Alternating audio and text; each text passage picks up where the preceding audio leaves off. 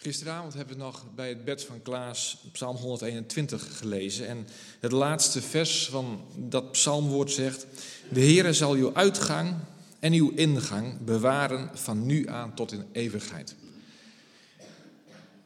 En dat is waar. Het is waar dat de Heer ook juist in zo'n moment, als iemand uitgaat uit dit leven en ingaat in de heerlijkheid van God, dat de Heer erbij is. De Heer zo iemand bewaart en hem daarin ook begeleidt.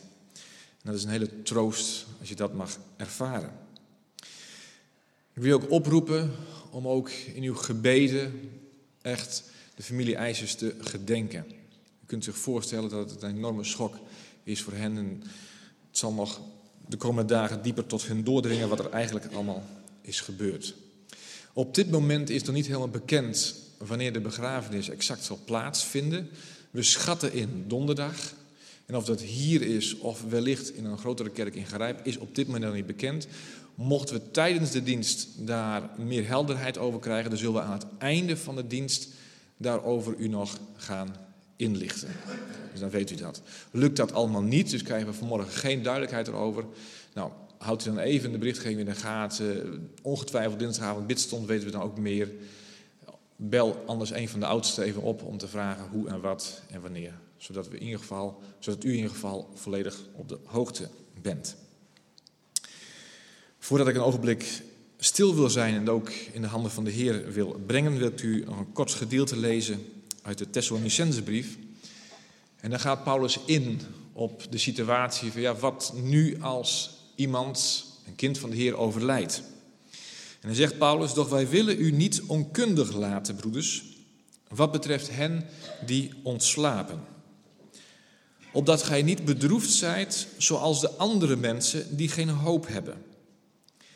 Want indien wij geloven dat Jezus gestorven en opgestaan is, zal God ook zo hen die ontslapen zijn door Jezus wederbrengen met Hem. Dat geloven wij. En ik hoop dat u dat ook gelooft. En als u de Heer persoonlijk nog niet kent, dat ook zo'n situatie als wat we nu meemaken u tot nadenken stemt. En nadenkt van hoe sta ik daarin?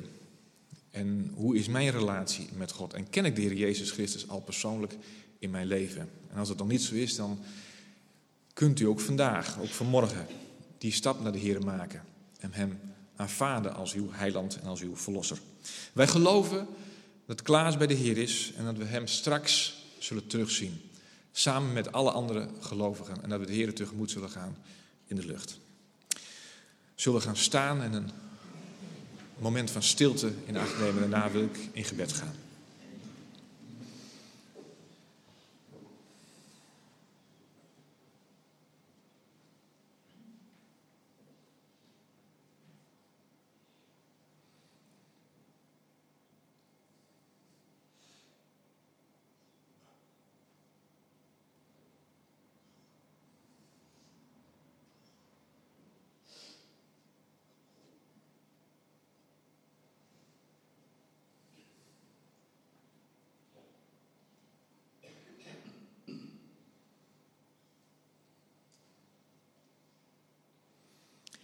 Vader in de hemel, we willen zo aan het begin van deze dienst tot u komen. Tot uw troon van genade in de naam van onze Heer en Heiland, de Heer Jezus Christus. Heer, en we komen tot u met ons verdriet. Heer, we komen tot u met ja, het niet snappen. En we willen zo bij u troost vinden vanochtend, Heer. En kracht vinden. En dat bidden we niet in eerste instantie voor onszelf, maar in het bijzonder voor de familie Jan en Trinke als ouders van onze broeder Klaas, maar ook de kinderen, Heer en de aanverwanten.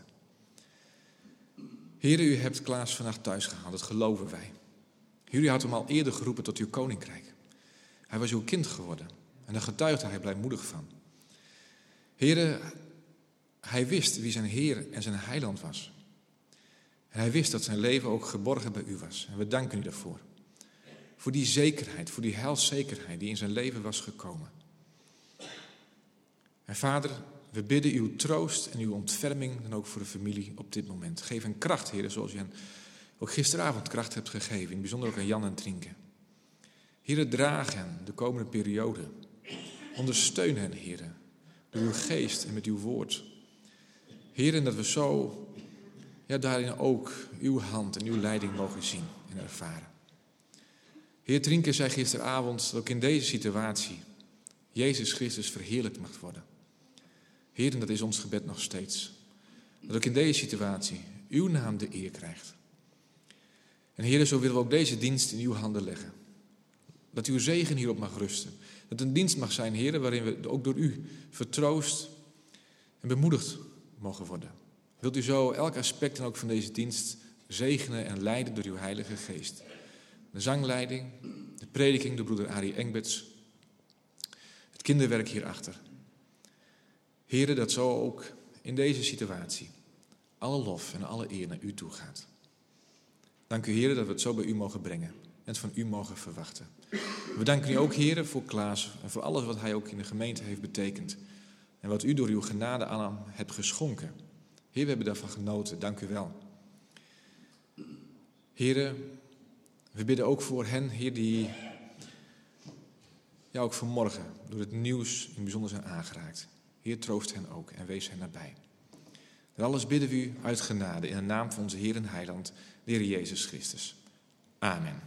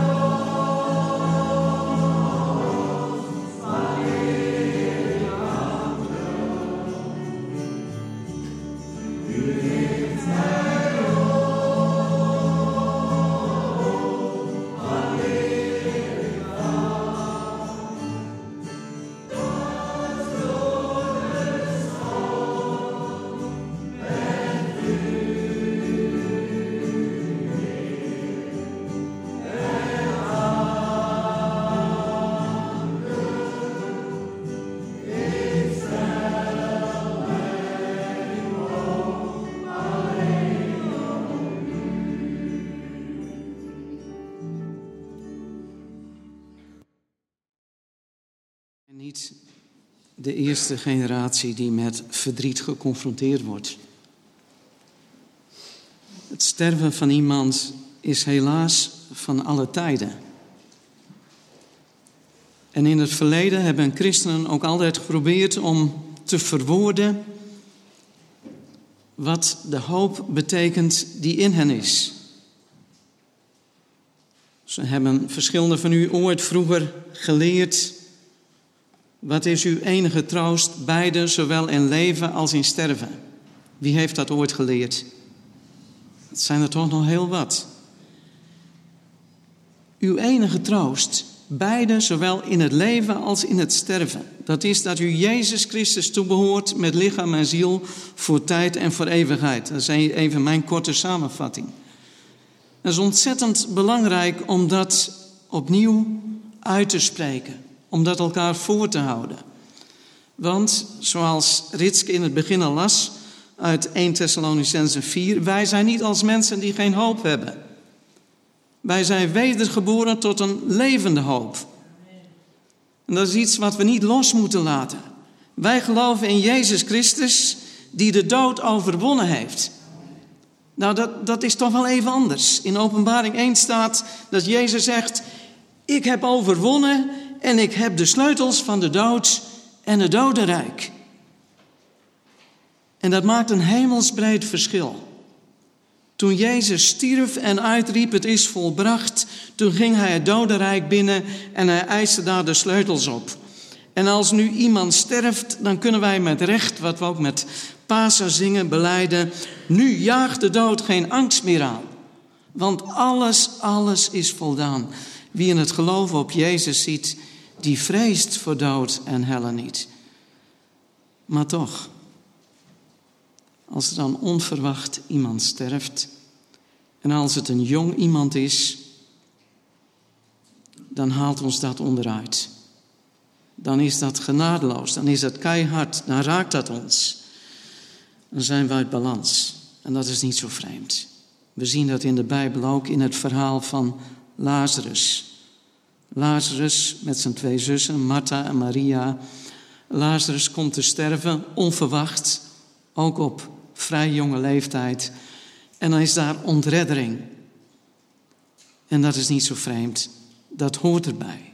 We gaan daar zo dadelijk naar kijken, maar ik wil eerst samen met u bidden. Lieve Vader in de hemel, uw woord zegt dat u de God van alle vertroosting bent. En als zodanig doen we nu een beroep op u. U bent de God van alle vertroosting en ik bid u dat u ons vertroost in al onze druk, in al onze ontreddering, in al ons verdriet en pijn. U heeft uw Heilige Geest ook gezonden als de trooster om ons te helpen, om ons indachtig te maken wie Jezus is, wat hij voor ons gedaan heeft. Om ons uw woord te binnen te brengen, daar waar we het nodig hebben. En zo roep uw naam uit, Heer, over de gemeente hier vanmorgen.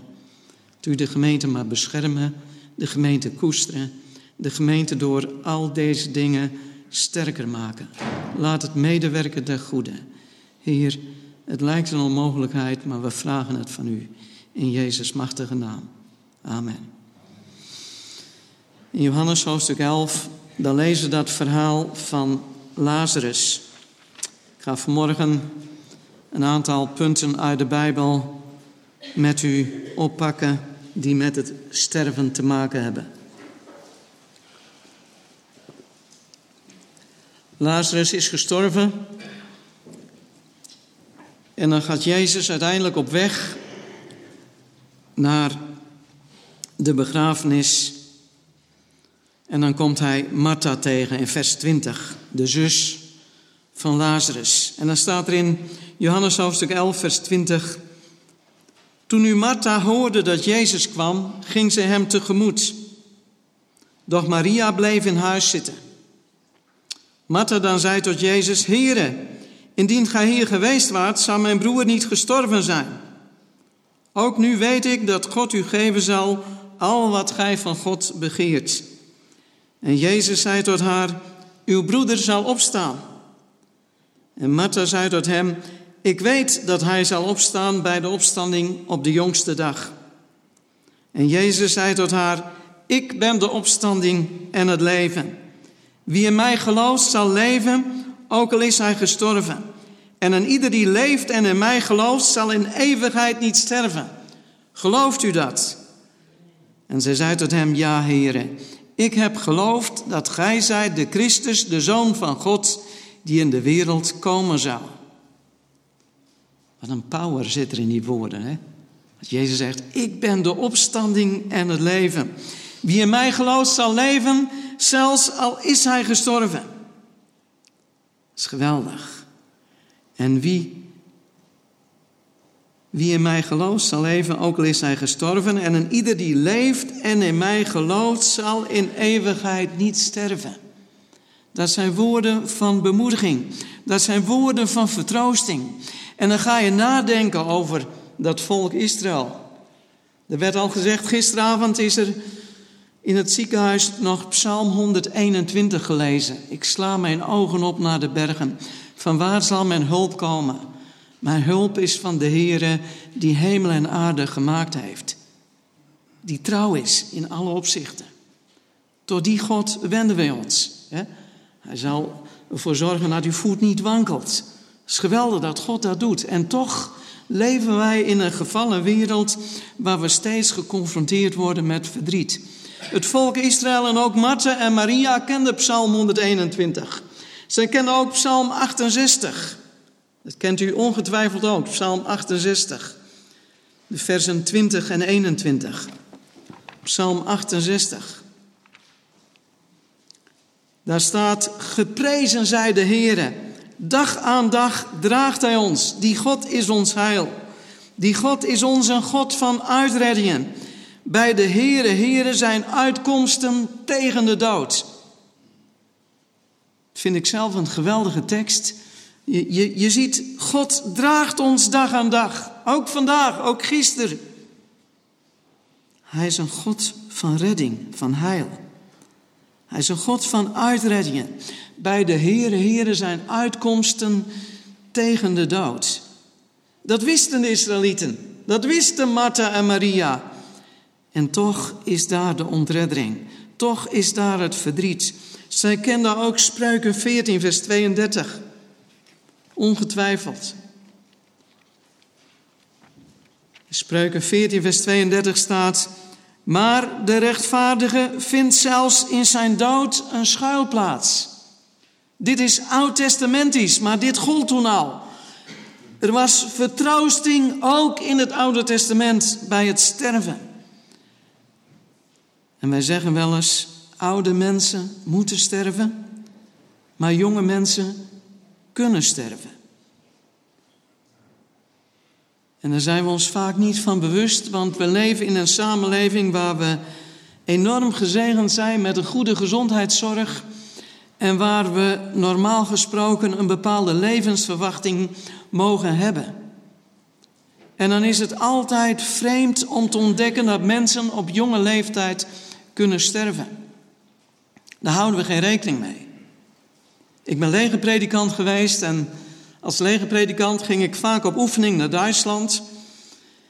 En dan bezochten we het voormalig concentratiekamp Bergen-Belsen. En dan kwam je in dat kamp en dan zag je daar zo'n grafheuvel in zo'n heideveld. Net als de Drentse heide, ziet er precies hetzelfde uit. De Lüneburger heide. En dan stond daar zo'n grafheuvel en, en dan stond er hier rusten 2500 doden. Hier rusten 5000 doden in één zo'n grafheuvel. En dan liepen die soldaten daar langs. En dan was dat te massaal om te beseffen. En dan, het raakte me wel, maar slechts ten dele. En ik herinner me nog dat ik op oefening ging in 1989, eind augustus, 20 jaar geleden. Het laatste weekend van augustus. Het was mooi weer, net als nu, schitterend weer. En zaterdags hadden we met de hele club van militairen hadden we een barbecue. En ik zou zondagsmorgens een kerkdienst houden. Ik had er grote verwachtingen van. Ik had een prachtige boogtent gekregen. En dan denk je, alles is klaar. Wat kan er nou nog misgaan? Nou, s'nachts kwam er een soort mini-orkaan. En het stortregende En er stond 15 tot 20 centimeter water in mijn tent. En al die jongens die eventueel in de kerkdienst zouden komen, die moesten helpen om geulen te graven en noem maar op. Want ook uh, het hele kookgebeuren stond in het water. En ik had uiteindelijk maar drie jongens die de tijd hadden om eventueel naar de kerkdienst te komen. Maar ik had geen ruimte meer. Toen ben ik met ze door het bos gelopen naar een, een begraafplaats daarachter. Een begraafplaats van de geallieerden in Duitsland. En daar, daar was men op naam begraven. En dan zag je op zo'n prachtige witte grafsteen, zag je dus ook de geboortedatum en de stervensdatum van de jongens opstaan uit de Tweede Wereldoorlog. En dan zag je daar een jongen van 17 jaar, een jongen van 18 jaar, verschillende jongens die gestorven waren zelfs na de bevrijding aan hun verwondingen of ontberingen. En ik liep daar met die drie jongens zo langs die stenen en ze werden steeds stiller. En daar op het eind van dat begrafenisterrein was een klein kapelletje gebouwd. Daar zijn we met z'n, met z'n vieren gaan zitten. En toen kregen we een gesprek over het leven, maar ook over de dood. En waar je terecht komt als je gaat sterven. En dat kon alleen maar omdat ze daar dus gezien hadden dat mensen jong kunnen sterven.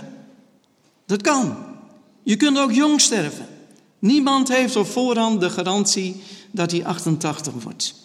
Niemand. We kunnen allemaal vol goede moed zijn en zeggen: Ik probeer de 100 te halen. Nou, ik probeer het ook nog steeds. Ik denk dat je je doelen mag stellen in het leven, maar we hebben geen garanties. Oude mensen moeten sterven, jonge mensen kunnen sterven.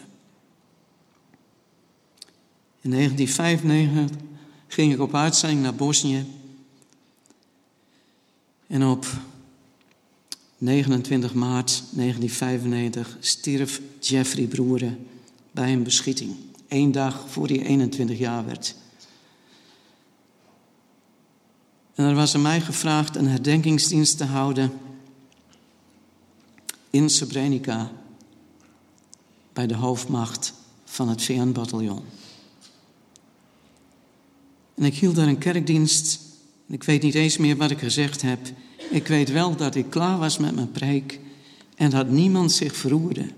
Dat de mensen gewoon bleven zitten. Ik wist zelf niet hoe ik ermee aan moest. Ze bleven wel tien minuten tot een kwartier zitten na afloop van de dienst. Want dat iemand kon sterven, dat wist men wel.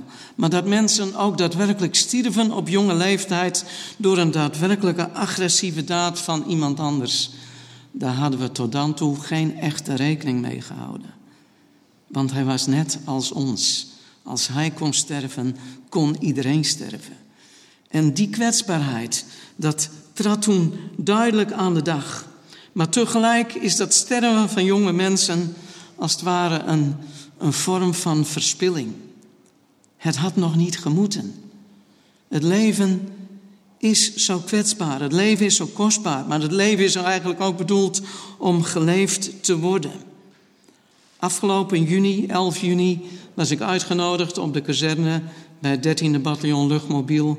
En dan hadden ze alle ouders en familieleden uitgenodigd van alle jongens die in de afgelopen 15 jaar gestorven waren, overleden waren, omgekomen waren in uitzendingen.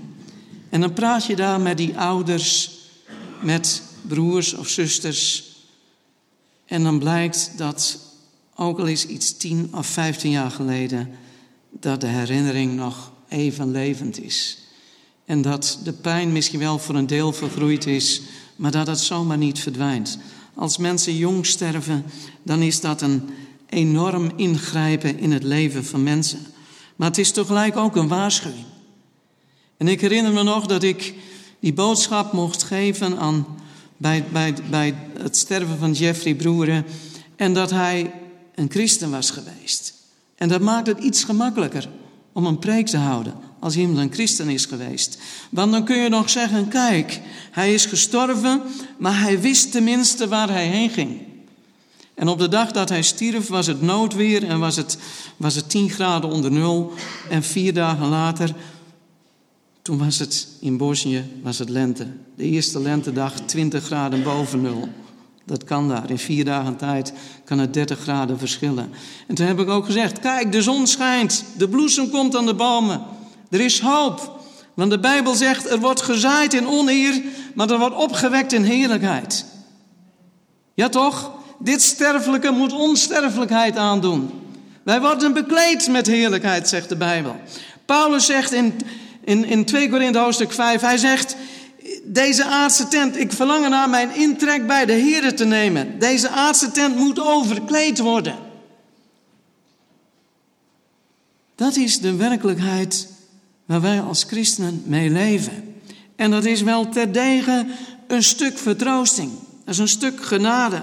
Dat is ontzettend belangrijk om dat te beseffen. Alleen wij leven in die wereld, laat ik het maar noemen, van Job. In de Bijbel is er sprake van, je zou kunnen zeggen, een progressieve openbaring. Er is een, sprake van een voortgaande openbaring. Het oudste Bijbelboek is eigenlijk het Bijbelboek van Job. En Job werd geconfronteerd met een situatie waarin hij alles kwijtraakte en alles verloor. En hij had eigenlijk geen verklaring. Hij geloofde in God, maar hij wist nog niet dat daar ook een, een tegenmacht was, de duivel, die probeert om mensen te verwoesten. En als je dan dat verhaal van Job leest, dan is dat gigantisch ingrijpend. En, en, en, en dan staat er in Job hoofdstuk 1, Job was vroom, hij was oprecht, hij was godvrezend en wijkend van het kwaad. Je zou zeggen, zo iemand kan toch niets gebeuren, of niet? Weet u, dat idee hebben wij toch als christenen? Als ik oprecht leef als christen, als ik God trouw dien, als ik Hem lief heb met mijn hele hart en mijn hele wezen, als ik mijn leven in dienst van Hem stel, dan kan mij toch weinig gebeuren. Ja toch? En dan roepen wij, wij zijn met Hem overwinnaar en zelfs meer dan dat. Ja, dat roepen wij en dat is terecht, maar dat is een deel van onze beleidenis. Maar de Bijbel zegt tegelijk ook dat iedereen die in Jezus Christus godvruchtig wil leven, dat hij vervolgd zal worden. Dat hij in allerlei verzoekjes en problemen terecht kan komen. Nou, Job is daar een voorbeeld van. Er staat in Job hoofdstuk 1 vers 3 dat hij de rijkste was van alle bewoners van het oosten. En dan staat er in vers 4 en 5 dat Job voorbeden deed voor al zijn kinderen steeds opnieuw, opdat het hun wel zou gaan. En dan komen al die boodschappers die vertellen van al je kamelen zijn weg en, en, en, en al je kinderen zijn omgekomen en noem maar op. En dan, dan is het refrein, in dit alles zondigde Job niet. En hij schreef God niets ongerijms toe. Maar dan komt zijn vrouw en die zegt dan, Job, wat voor loon had je nou dat je God gediend hebt? Moet je nou eens kijken, alles is weg, alles is verwoest. Alles is voorbij. Vervloek God en sterf. Dat zegt zijn vrouw tegen hem. Dat is moeilijk, hè? Zulke situaties. En pas na afloop, aan het eind, dan kun je zien hoe het eigenlijk zou moeten. En dat lees je dan in Jacobus hoofdstuk 5. En dan staat het volgende in Jacobus 5, Vers 11, daar zegt Jacobus, zie wij prijzen hen zalig die volhard hebben. U hebt van de volharding van Job gehoord en u hebt uit het einde dat de Heere deed volgen gezien dat de Heere rijk is aan barmhartigheid en ontferming. Maar als mens zeggen wij dan, wij hadden graag die, die, die barmhartigheid en ontferming van tevoren gezien. We hadden graag gezien dat de problemen niet gekomen waren. Maar ze kwamen wel. En Job moest een harde les leren. Want hij kwam tot de ontdekking dat er iemand is die de Satan genoemd wordt, de tegenstander, de tegenstander van God. En dat hij mensen tegen God opzet. En dan zijn daar vrienden van Job en die gaan hier zeven dagen bij hem zitten en ze zwijgen, want ze zien de grote smart waarin Job verkeert. Al zijn kinderen verloren, Alles wat hij had aan bezitje verloren, zijn gezondheid verloren, zijn vrouw is tegen hem. En dan toch schrijft, God, schrijft Job God niets ongerijms toe. Alleen daarna, dan gaan die vrienden tegen hem zeggen: Als je God daadwerkelijk gediend had, zou dit je niet overkomen zijn. Hoort u daar niet die stem van die verleider? Ja toch? Heeft God niet gezegd? Uw onberispelijke wandel zou uw hoop moeten zijn, zeiden zijn vrienden tegen hem. Ja. Want Job komt in hoofdstuk 3 tot het punt dat hij de dag van zijn geboorte vervloekt. En dan zitten wij natuurlijk met de vraag: hoe kan het? Hoe kan het dat mensen lijden? Hoe kan het dat christenen lijden? Nou, ik denk dat daar vier redenen voor zijn. In de eerste plaats lijdt een mens vanwege de zondeval. U weet het wel, Genesis 3. Doornen en distels. Ja toch? Wie van u heeft er een tuin? Wie van u kan me uitleggen waarom onkruid altijd sneller groeit dan kruid? Ja? Dat heeft te maken met de vloek. Doornen en distels die groeien spontaan, hoef je niks voor te doen. Brandnetels ook, komen zomaar naar boven. Hoef je niet te zaaien. is geweldig. Ja, toch? Ja, ja zo gaat het. Er zit, er zit iets in de schepping wat, wat, wat, wat bederf, aan bederf onderhevig is. We leven in een gevallen schepping en dat is uiteindelijk de reden waarom we sterven. Ten dagen dat je daarvan eet, Adam, dan zul je de dood sterven, werd tegen hem gezegd. Dus de eerste reden dat de mens lijdt, is vanwege de zondeval, vanwege de vloek over de schepping. In de tweede plaats vanwege onze eigen actieve zonde. De Bijbel leert dat zonde consequenties heeft. De Bijbel leert ook dat we kunnen lijden onder de gevolgen van zonden die anderen ons aandoen. Of die anderen begaan hebben. Zoals er staat dat de zonde door zal werken in het derde of vierde geslacht van hen die God haten. Dus dat, dat zijn ook consequenties. Ik, ik, ik zou ook daaraan willen koppelen het menselijk tekort. Of de menselijke overmoed. Vijf jaar geleden kreeg ik een auto-ongeluk. Het kwam omdat ik iets te enthousiast reed op het moment dat dat niet verantwoord was, omdat het hard regende. En ik slipte en ik knalde tegen een boom aan. En dat ik hier sta is geen verdienste, maar is alleen nog genade. Voor hetzelfde was ik dood geweest en was mijn leven hier op aarde beëindigd geweest. Door mijn eigen fout. Door onoplettendheid of overmoed. Dat kan. Dat kan. En we zijn geen van allen volmaakt en we maken allemaal wel eens fouten. We hebben allemaal wel eens, of misschien allemaal, maar meerdere van ons hebben wel eens zo'n moment gehad van, oh, het ging net goed, maar het had ook wel verkeerd kunnen aflopen. Ja. En dan leven we uit genade. Waarom weten we niet altijd. In de derde plaats leven, lijden we vanwege de zonde van de Satan, de duivel. Hij is in opstand gekomen tegen God en hij jaagt achter Gods kinderen aan. Paulus die beschrijft op een bepaald moment dat hij naar Klein-Azië wilde reizen en hij zei: En de Satan heeft me verhinderd om jullie te komen bezoeken. Dus er is ook een reden. De duivel die dingen doet. Nog steeds ook. Ook in deze tijd, ook in dit land, ook in Nederland in het bijzonder. Daar zie je veel werken van de boze op dit moment. In de vierde plaats kan lijden een gevolg zijn van een straf van God vanwege rebellie. Als wij tegen God in opstand komen, dan kan dat ook consequenties hebben. Maar we mogen beseffen dat we een levende God dienen. We mogen beseffen dat Jezus Christus Heer is.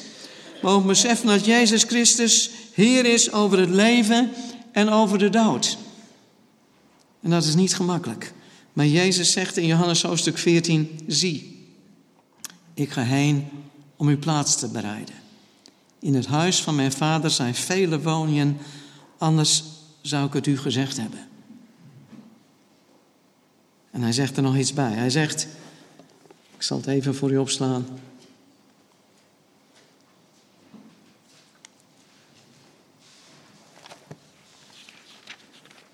Ik vind het erg bemoedigend.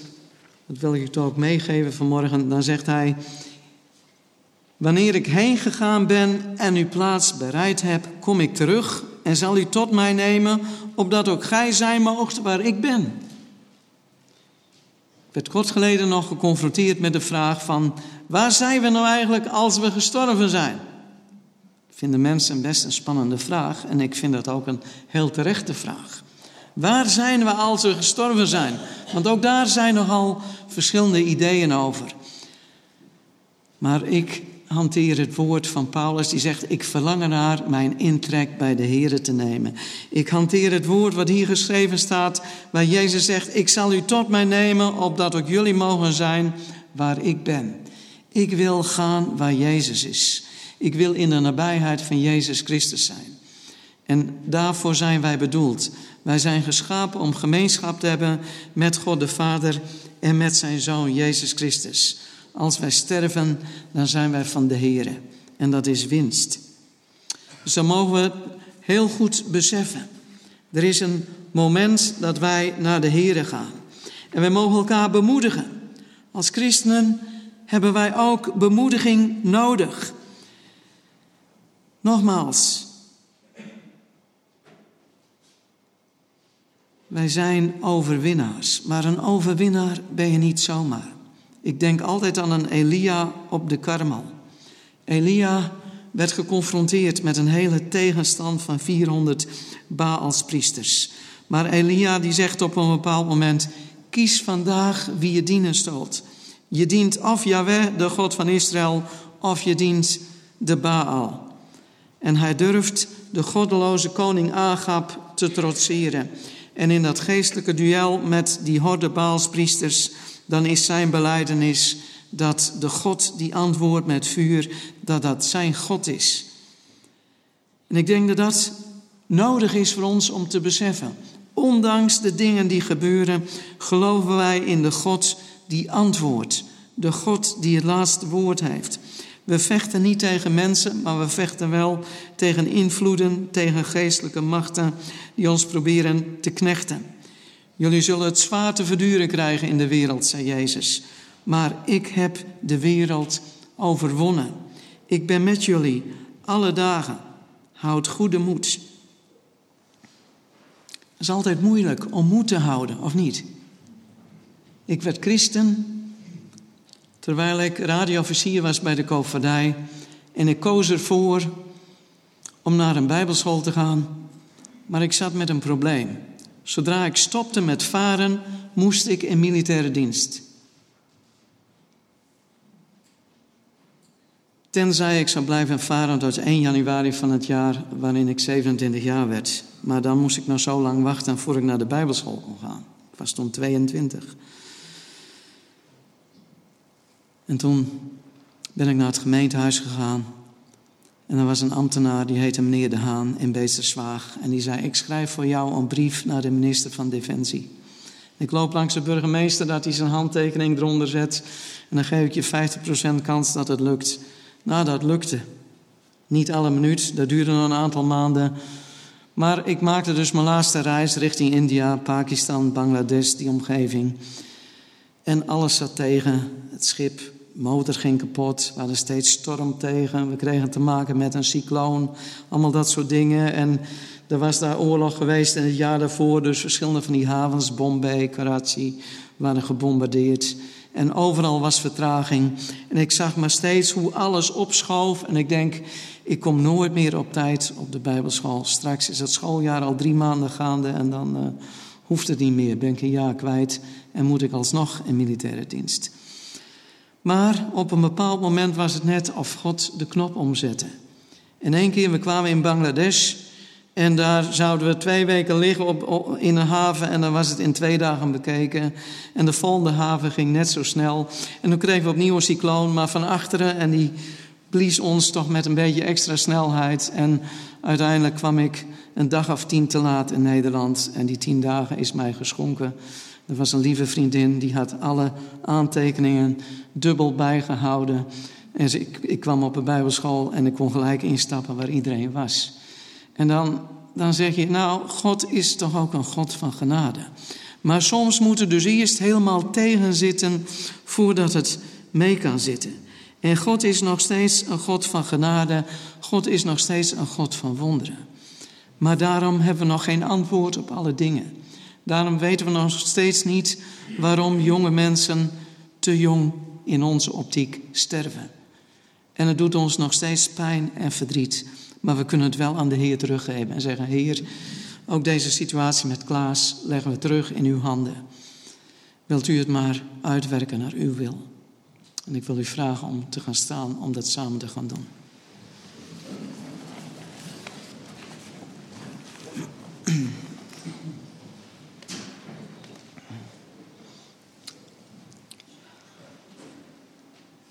Heer, in uw woord staat dat u in alles werkt naar de raad van uw wil.